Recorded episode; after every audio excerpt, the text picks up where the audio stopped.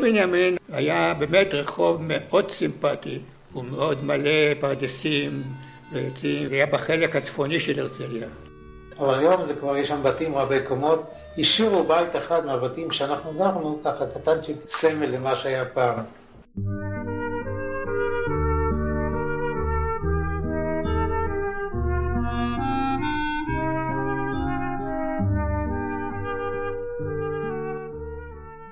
בני בנימין היו כאן.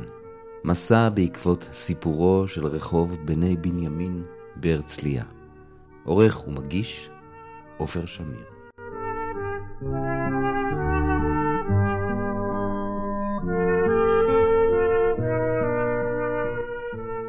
במרכז הרצליה קיים רחוב עם בתים רגילים ואנשים רגילים. הוא לא נושא את שמו של מנהיג או ידועה נשכח.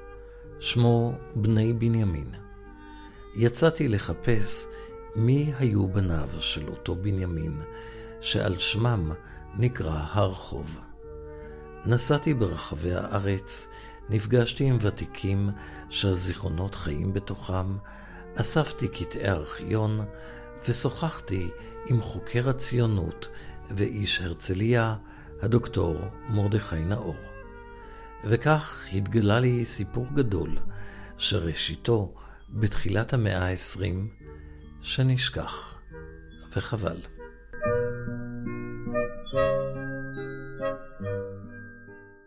בני בנימין זו תנועה חברתית, התיישבותית, אפילו פוליטית, שקמה בתחילת שנות ה-20 של המאה ה-20. והיא בעצם קראה תיגר על התפיסה ההתיישבותית של ההסתדרות הציונית, שרצה להקים בארץ יותר יישובים שיתופיים, נאמר קיבוצים, מושבים, מאשר מושבות. והם אמרו, למה? קודם כל אנחנו הראשונים, יותר נכון הורינו, לא אנחנו. ובעצם עשו הרבה, הקימו את המושבות, מה היה כאן בלי המושבות הראשונות? ולכן הם הקימו תנועה שלקחה את השם שלה משני מנהיגים שנראו בעיניהם הכי חשובים, זה בנימין זאב הרצל ובנימין רוטשילד. אדמונד בנימין רוטשילד, שהיה פטרון המושבות כידוע, והם אמרו, עכשיו אנחנו תובעים את שלנו. הם אה, ארגנו את בני המושבות הוותיקות, אבל אחר כך די מהר הם ניסו לפתור את הבעיה שקיימת בעצם עד היום בהרבה מקומות, שכאשר יש מתיישב במושבה X ויש לו נאמר שלושה או ארבעה ילדים, בעצם בתור בן ממשיך יכול להיות אחד. מה יקרה עם האחרים?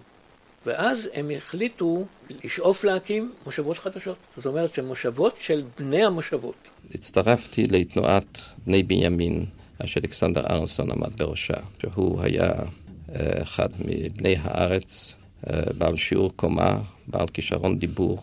הקסים את הנוער הישראלי להתארגן במטרה לשמור את הקיים ולבנות את החרב. עובד בן עמי ממנהיגי תנועת בני בנימין, מתוך ארכיון גלי צה"ל. והתנועה שניזונה מההשפעה של הקבוצה של ארנסון, ברובה הייתה קבוצה של איתמר בן אבי ואני בתוכם. ואז נפל הגורל שאני אשמש מזכיר כללי של הסתדרות בני בימין. לא היו בהם רבים. אני מעריך, קשה לדעת את המספר, אבל בוודאי בין 500 ל-1,000.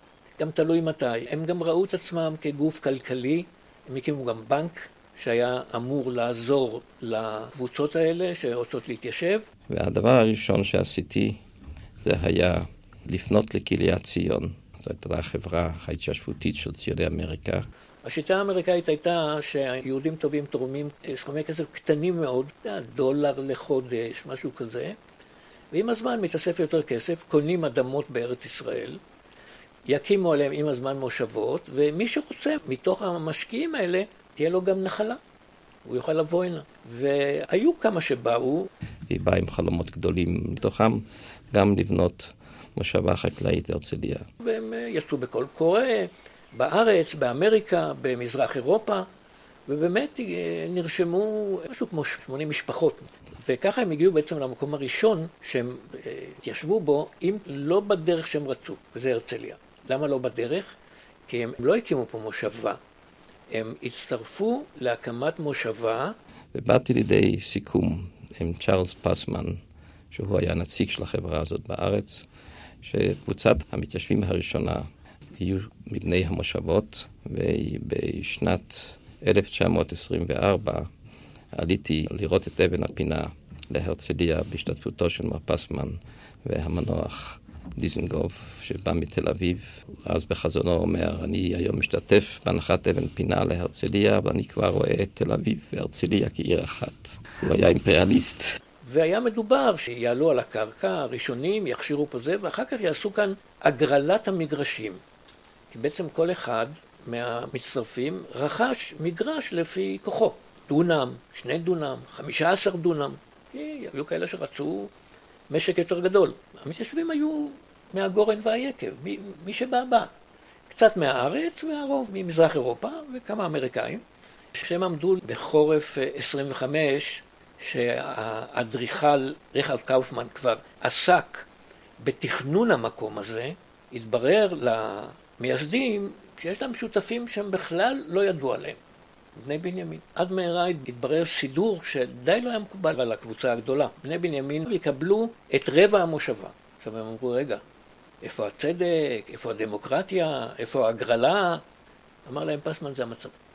ובהגרלה בעצם השתתפו רק 81, כאשר הם היו בלוק נוסף. הם כל הזמן עמדו על זה שהם יהיו בנפרד, הם אמרו בהחלט שהם מוכנים ללמד, ללמד את ה... והיה מה ללמד, שלא יהיו הבנות.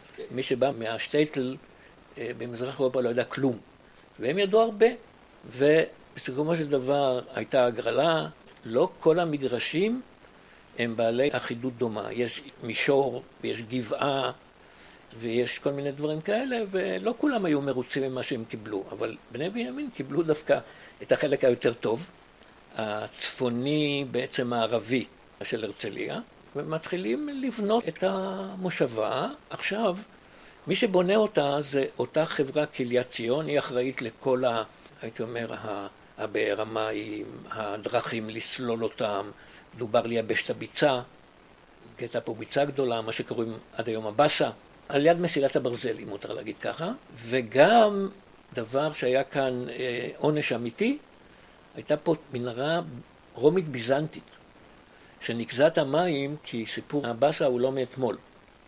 והיא עם השנים נסתמה. אז בעצם קהילת ציון התחייבה גם לנקות את המנהרה, כדי לנקז את המים. והיא עשתה את זה. עכשיו התחילו לבנות בתים, את העבודה ביצעה חברה הסתדרותית, אה, סולל בונה. מי שרצה לבנות בנה לבד. כמובן שלא קיבלו את זה מתנה, הם נכנסו לחובות, למשכנתאות, והיו צריכים לשלם את זה במשך שנים. הרצל הרפז, כפי שהוקלט בשנת 2003, מתוך ארכיון משמר העמק.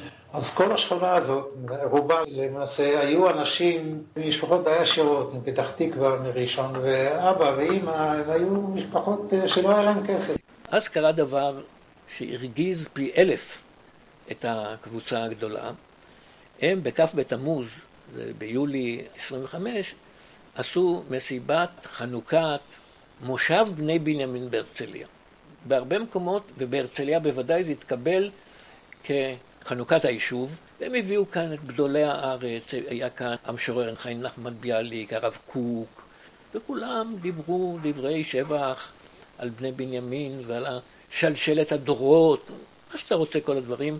זה נורא הרגיז פה את האנשים, ומכאן ואילך בעצם יש תקופה שנמשכת בערך שש שנים.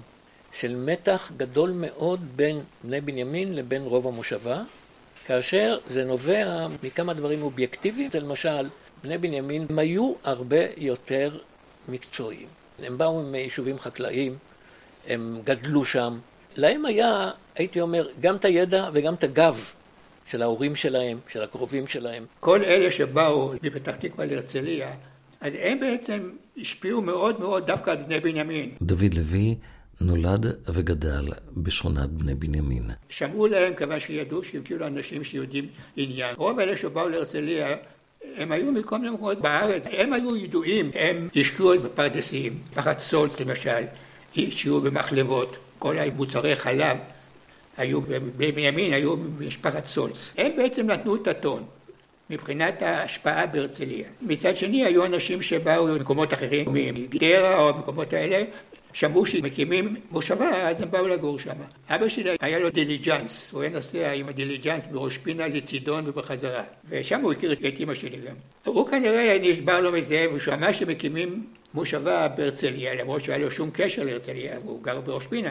אז הוא החליט לקחת את האימא שלי, והם באו עם הדיליג'אנס שלו מראש פינה, נסע עד הרצליה. הוא רצה להתעסק בחקלאות. ראש פינה זה בסך הכל מושבה על ההר למעלה, אין להם אדמות בשביל חקלאות. פה פתאום היה מצב, אבא שלי קיבל עשרים דונם. כל אחד מהראשונה קיבל בין עשרה לעשרים דונם לגידולים, מה שאתה רוצה. ההורים שלי הגיעו מנווה צדק. הוא עבר באיזה שלב לפתח תקווה, לעבוד בפרדסים בפתח תקווה.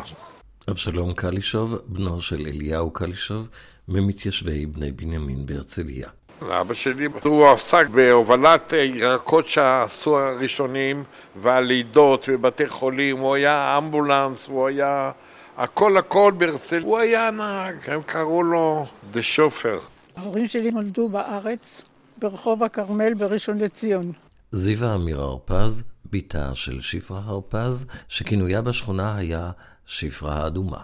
אבא נולד ברחוב הכרמל למעלה, קראנו לסבים האלה סבא למעלה, ואימא נולדה ברחוב הכרמל למטה על יד היקב, כי האבא שלה היה העינן הראשי של היקב. אבא שלי ואח שלו למדו במקווה ישראל. בני אפרתי, דוד ועדנה אפרתי. מסיפורים מהבית, אבי ואחיו. הם באו כשותפים, הם הגרילו חלקה משותפת, חילקו אותה ביניהם, בנו שם שני בתים, אחד ליד השני. אבי התחתן לפני דותי והביא את אימא שלי לשם. אמי הגיעה לבני בנימין ב-1927 ושם נולדו שני האחים הגדולים שלי. אבא היה בן אדם עם יוזמה.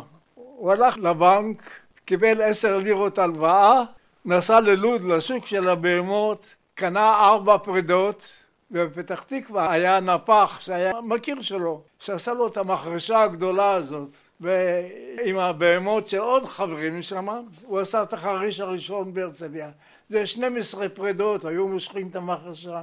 טרקטורים לא היו. אז הם קיבלו את האדמה, את הבית, איזה 25 דונם או 30, ונטו שם פרדס, ואבא היה עובד כל היום אצל האיכרים העשירים. אבל בלילה אמא הייתה יושבת על ידו עם מנורת נפט, והוא היה משקה את הגומות של העצים. והיה לול, הייתה רפת, הייתה פרה אחת דמסקאית שקראו לה אולגה, והיה רועה ערבי שהיה כל בוקר אוסף את הפרות למרעה ובערב מחזיר אותו לבתים של השכונה, של בני בנימין, שכולם איכרים. כל אחד היה משלם לו משהו, וכשהוא היה חוזר הוא היה מרכיב אותנו על החמור שלו, זה היה של הילדים.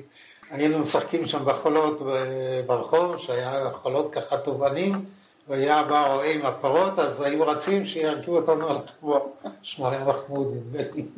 היה קשר כל כך הדוק בין השכנים, דלת פתוחה וכל זה, זה פשוט לא להאמין, הרבה שנים. אני לא זוכר שפעם אמא שלי נעלה את הדלת, תמיד היינו דופקים בדלת או לקחת פה ביצים, לקחת פה זה, זה היה כאילו אווירה, כאילו זה משפחה. אני, אני יודעת שאימא גידלה ירקות, והשכנה שלנו הייתה על הרפת עם פרות, ושכנה אחרת היה לה תרנגולות. אני זוכרת שבערב הייתי מקבלת קערה כזאת חומה מחרס, והייתי הולכת לשכנה ציפורה שהיו לה פרות, והייתה שמה לי גבינה ושמנת מעל. אבא היה נוסע בשבתות לוואדי פאליק, מה שנקרא פולג, והיה צד ברווזים. אז היינו אוכלים. או פעם הוא צד יונים, ואני זוכרת אימא בשלה סיר עם יונים, חיכתה שכולנו נבוא מבית ספר ונאכל ביחד.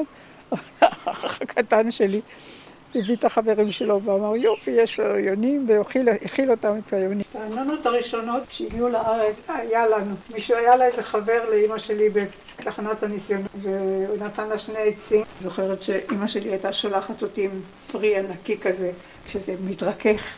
תלכי לגברת אפרתי ותביאי לה את זה ותביאי שילינג בחזרה. זה היה אז המון כסף אני חושבת. היה ערבי, אני חושבת עם רגל אחת, היה בעל סוס והיה לו נוד מעור והוא היה מביא שמן זית, הוא היה מוזג לאימא שלי לבקבוקים, והיא הייתה נותנת לו כסף. נוצר מצב כזה כאילו מיני מושבה, וכל הילדות שלי כולה מסתובבת בבני בנימין ממש. אז היינו הולכים לעשות קומזיצים, הולכים מה שנקרא לבאסה, איפה עכשיו נמצא שבעת הכוכבים, שם היה ביצה.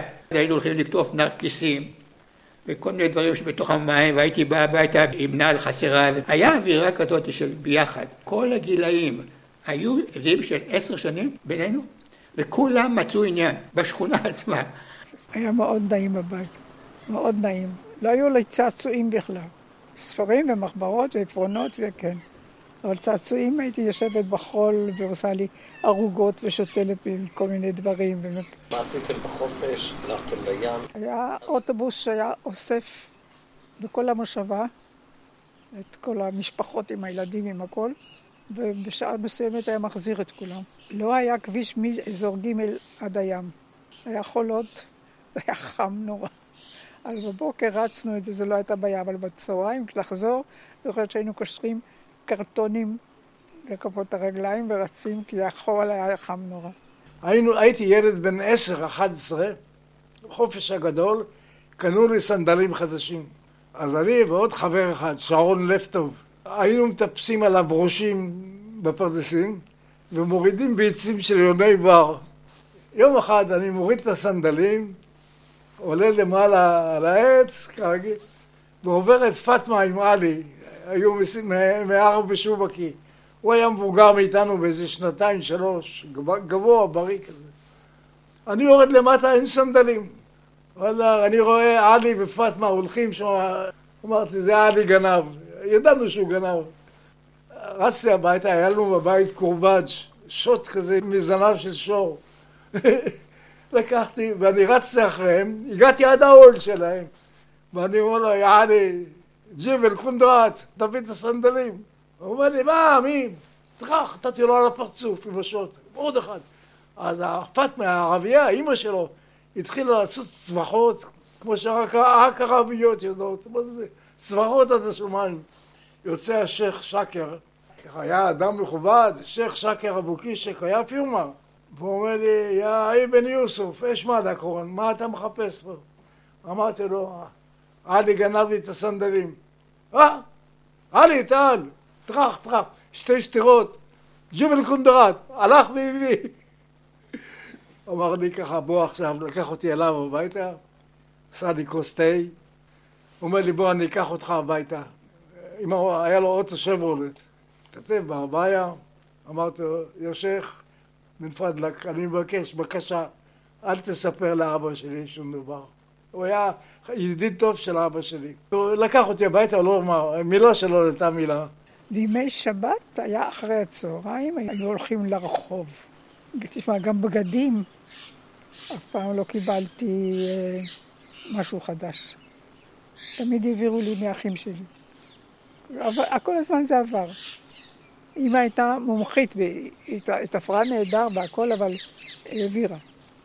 אפילו פעם אני זוכרת שהעבירה לי מכנסיים של האח שלי, ואז זה היה נהוג שלבנות היו עושים כפתורים משני הצדדים, ולבנים הייתה חנות. ואני הייתי הפורמת, אז אני פרמתי, אבל נשארו סימנים של התפרים. והיא נורא השתדלה ועשתה את המכנסיים כל כך יפים וכל כך טובים עליי, אבל ראו את הסימנים של התפר של החנות. ואני לא הסכמתי ללבוש איתם, ונורא בכיתי, ולא הלכתי לבית ספר. ולמחרת לבשתי את המכנסיים האלה והלכתי לבית ספר, ועם פתק של אימא נעדרה מבית הספר שלו באשמתה. שפרה. וזהו. כל הדברים אני זוכרת ששני האחים שלי, היה ספר מתמטיקה, אחד היה בהתחלת הספר, ואחד הייתה כבר בסוף הספר, הגדולה. והם לא הכינו את השיעורים יום קודם, הם תכננו לקום בבוקר ולהכין את השיעורים. ואז הם רבו על הספר. והם רבו והרביצו מכות, שניהם בכו. אז למחרת הם הגיעו לבית הספר, נעדרו מבית הספר שלא באשמתם, וגמרנו את העסק. מה ששפרה אמרה, זה היה קודש הקודשים. אנחנו גדלנו בצריף, היה אז. מי שהיה לו כסף, בנה בית. מי שלא היה לו בבני בנימין, גר בצריף, וטרפת הם בנו, שיגדלו פרות. אבא שלי היה לו רפת, והצריף שגרנו בו. אני לא זוכר שהיה לנו חברות גדולה עם הילדים של הרצליה עצמה בבני בנימין, משפחת סולץ והפרלינים והדנקנרים. אז אני יודע שהאימא הייתה אומרת, הילדים, אתם תיכנסו מהדלת של המטבח ולא מהדלת הראשית. זאת אומרת, אנחנו לא מכובדים. אני זוכר את התקופה ההיא, היו סנובים מאוד גדולים. היה להם יותר רכוש, יותר אדמות, ברור שהם היו חקלאים יותר. אבא שלי לא התעסק בחקלאות. כמה שאני יודע, הוא קיבל את השתי דונם ועשר דונם פרדס. הוא אומר שהוא מכר לגיסין חלקה קטנה מהשתי דונם, בחזית. גיסין זה אחד האנשים שהיו ידועים אז וכנראה שלא היה לו ברירה, הוא היה חייב לתת לו את זה, למה שאמרו לו מה, לאליק יהיה ולגיסין לא יהיה. גיסין בא יותר מאוחר. הוא חילק את האדמה, נתן לו חתיכה. היו המון החלפות אצלם, מהמושבות עצמן. אחד קנה, מכר לשני, יודע, דברים כאלה. אבל הם נורא הקפידו שלא ייכנסו אנשים זרים. זאת אומרת, לא ייכנסו סתם, אלא שיהיה בן מושבה כזו או אחרת. פה יום אחד בחריש של אבן יהודה אבא חטף התקפה של מלאריה והתעלף. הפועלים הערבים ברחו. אמרו, חבג'ה יוסף מת. עבר ערבי מסדנאלי, עבדול עזיז, בן אדם יקר היה. ושמו אותו על החמור, הביאו אותו להרצליה לרופאה, דוקטור אהרונסון. היא ישבה על ידו לילה שלם, שמה לו תחבושות קרות ונתנה לו חינין. ואמרה לאימא שלי, ריבה, את תלכי לישון, מחכה לך עבודה קשה. לקח איזה שבוע, הוא התאושש, חזר לעבודה. היה יוצא מוצאי שבת וחוזר ביום שישי. היה ישן בשטח עם זה. היה גם ויכוח אה, פוליטי, הם היו ימין. ופה היה נאמר לא שמאל, אבל מרכז שמאל. אני מדבר על הרוב של האנשים. בשנת 33, אני חושב זה היה, שמונה שנים אחרי ההתיישבות, אבא מעבודה קשה, שעבד גם אצל האיכרים, הבועזים, העשירים, וגם אצלו במשק, הוא חלה ולא היה יכול להמשיך לעבוד בחקלאות. היא לא הסכימה להיות שם בשום אופן. ואני חושבת שאבא בנה את הבית בצד השני של המושבה, נקרא הרצליה ד' נדמה לי. רק להתרחק משם כמה שיותר ונכנס לחובות. דבר שני, היה ויכוח גדול בארץ וגם בשרון על עבודה עברית. רק עבודה עברית. והשרון נחשב למקום של עבודה עברית.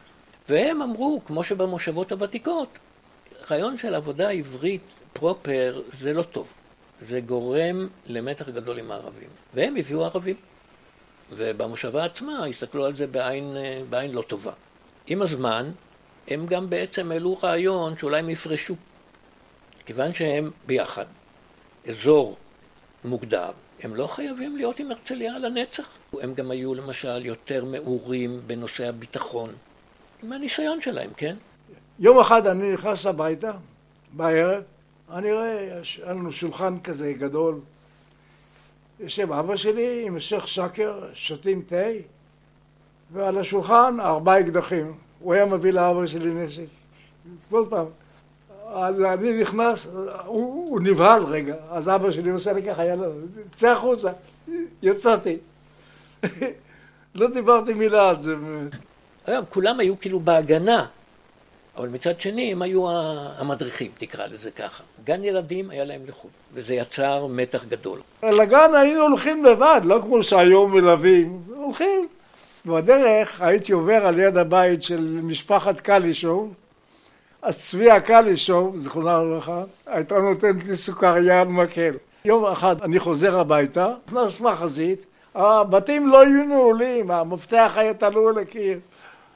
ואני שומע יריות מהצד של המרפסת של המטבח.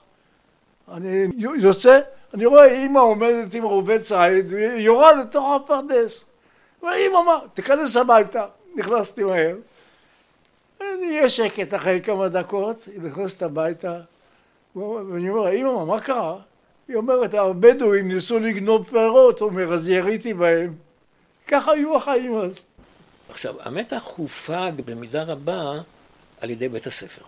פתחיה לב טוב, מנהל אגדתי. שהוא נתן חינוך לילדים בצורה לא רגילה. המורים בהרצליה, בבית ספר עממי, באו ילדים עם כל מיני בעיות ונתנו חינוך לכולם, מהמנהל עד האחרון המורים. הבית ספר היה, היה לו תפקיד מאוד אה, גדול בתרבות. כל החגים ואת כל הזה היו עושים מאוד, אה, מאוד גרנדיוזי. אני היחידי מכל האחים שהסתייגתי בחשבון. ואני זוכר שהמנהל היה, בא לאימא שלי, והוא אומר לה, אני יודע שקשה לך וכל זה, אני רוצה שתתני לו להמשיך ללמוד. הוא מוכשר בדברים האלה, אני זוכר את זה. מתוך שישה, רק אני, לא בגלל שהם לא פיקחים כמוני, אבל היה להם אפשרות. הם פתחו גם חנות מכולת, כי הם אמרו שהחנות מכולת שישנה במושבה היא לא מתייחסת אליהם יפה. המכולת הזאת שירתה בנאמנות כל כך הרבה אנשים בשכונה. אם לא היה לך כסף, הוא היה רושם את השם שלך. אני אף פעם לא הלכתי עם כסף. גם כשביקשת מסטיק במיל, אז היו רושמים. הם פתחו גם אצליז. אבא שלי התרע מזלו וחיפשו שוחט בהרצליה. באיזה שנה? 27, ואני עוד עול ימים הייתי. בן השוחט, עזרא ניצן. כי כשהוא הגיע להרצליה, אז ישר התעלקו עליו הדתיים. מה פתאום תימני, עוד עם הרשעה של שחיטה מתימן? אנחנו, איך שהגענו להרצליה, היינו בפרדס. שם היה מבנה, היו הולכים לעשות שירותים בפרדס. זה היה אופי החיים. אז אבי עבד בחקלאות. אימא שלי, בשביל לקיים את הילדים, היא הייתה חייבת לצאת לעבודה. זה לכבס אצל המשפחות האשכנזיות. הייתה לנו אימא גם חזקה מאוד, הייתה לה אופי לא רגיל. היו באים ערבים מסידנא עלי למכור לנו ביצים. ואז היינו בתחילת הבנייה של מגורים, צריף, והוא שואל אותה, מה אתם עושים? אז היא אומרת, מה, אתה לא רואה? אנחנו בונים לנו בית. אז הוא אומר לה, תבנו בית טוב, כי זה עוד מעט יהיה שלנו. כך הוא אמר? כן. אז היא תקעה לו קללה, ורצה אחריו, הוא ברח כמו שפן. והוא הביא ביצים למכור. הם אה, גם עשו אה, מפעל מים, ולכן נוצרו מתחים איתם, כי זה היה מין גוף אה, נפרד, אפילו הייתי אומר לעומתי, לעומתי כלפי המושבה כולה. זה הגיע לשיאו, כל העניינים האלה, בשנת 30-31, כי במושבה כבר נמאס מהסיפור הזה. עשו אספה כללית ואמרו, מוכרחים לאחד את כולם, והם אמרו, אנחנו יודעים יותר טוב מה שאנחנו רוצים, אנחנו לא פוגעים באף אחד, בסך הכל. למרות שהם איבדו את האדמה לבד, והביאו פרדות, ובסופו של דבר עשו מין אה, ועדת פיוס בין שני הצדדים, שניסתה לפעול, לקרר את המתח וכדומה. למעשה הם שאפו אפילו להתפלג. אבל מעניין, ככל שעבר הזמן, אף אחד לא פילג.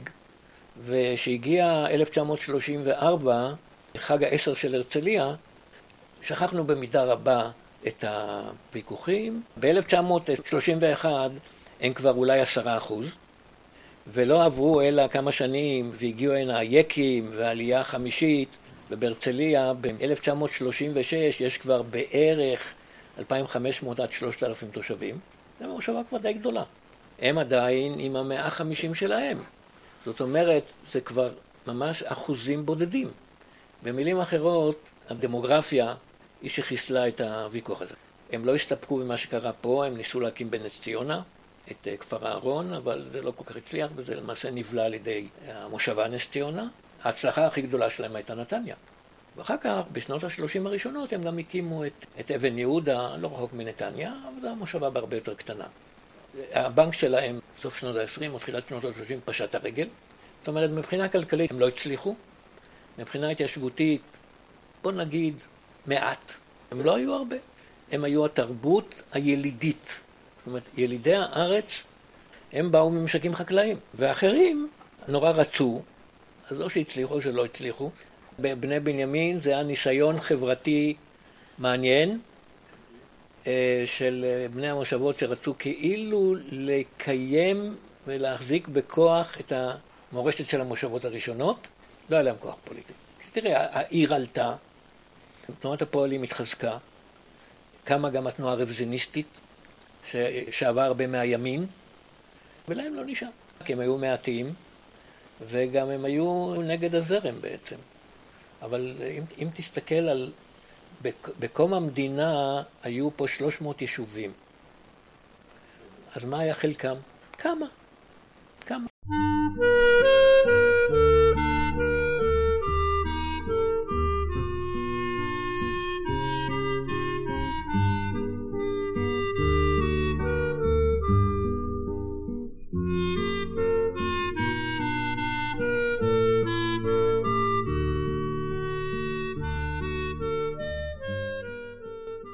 בני בנימין היו כאן.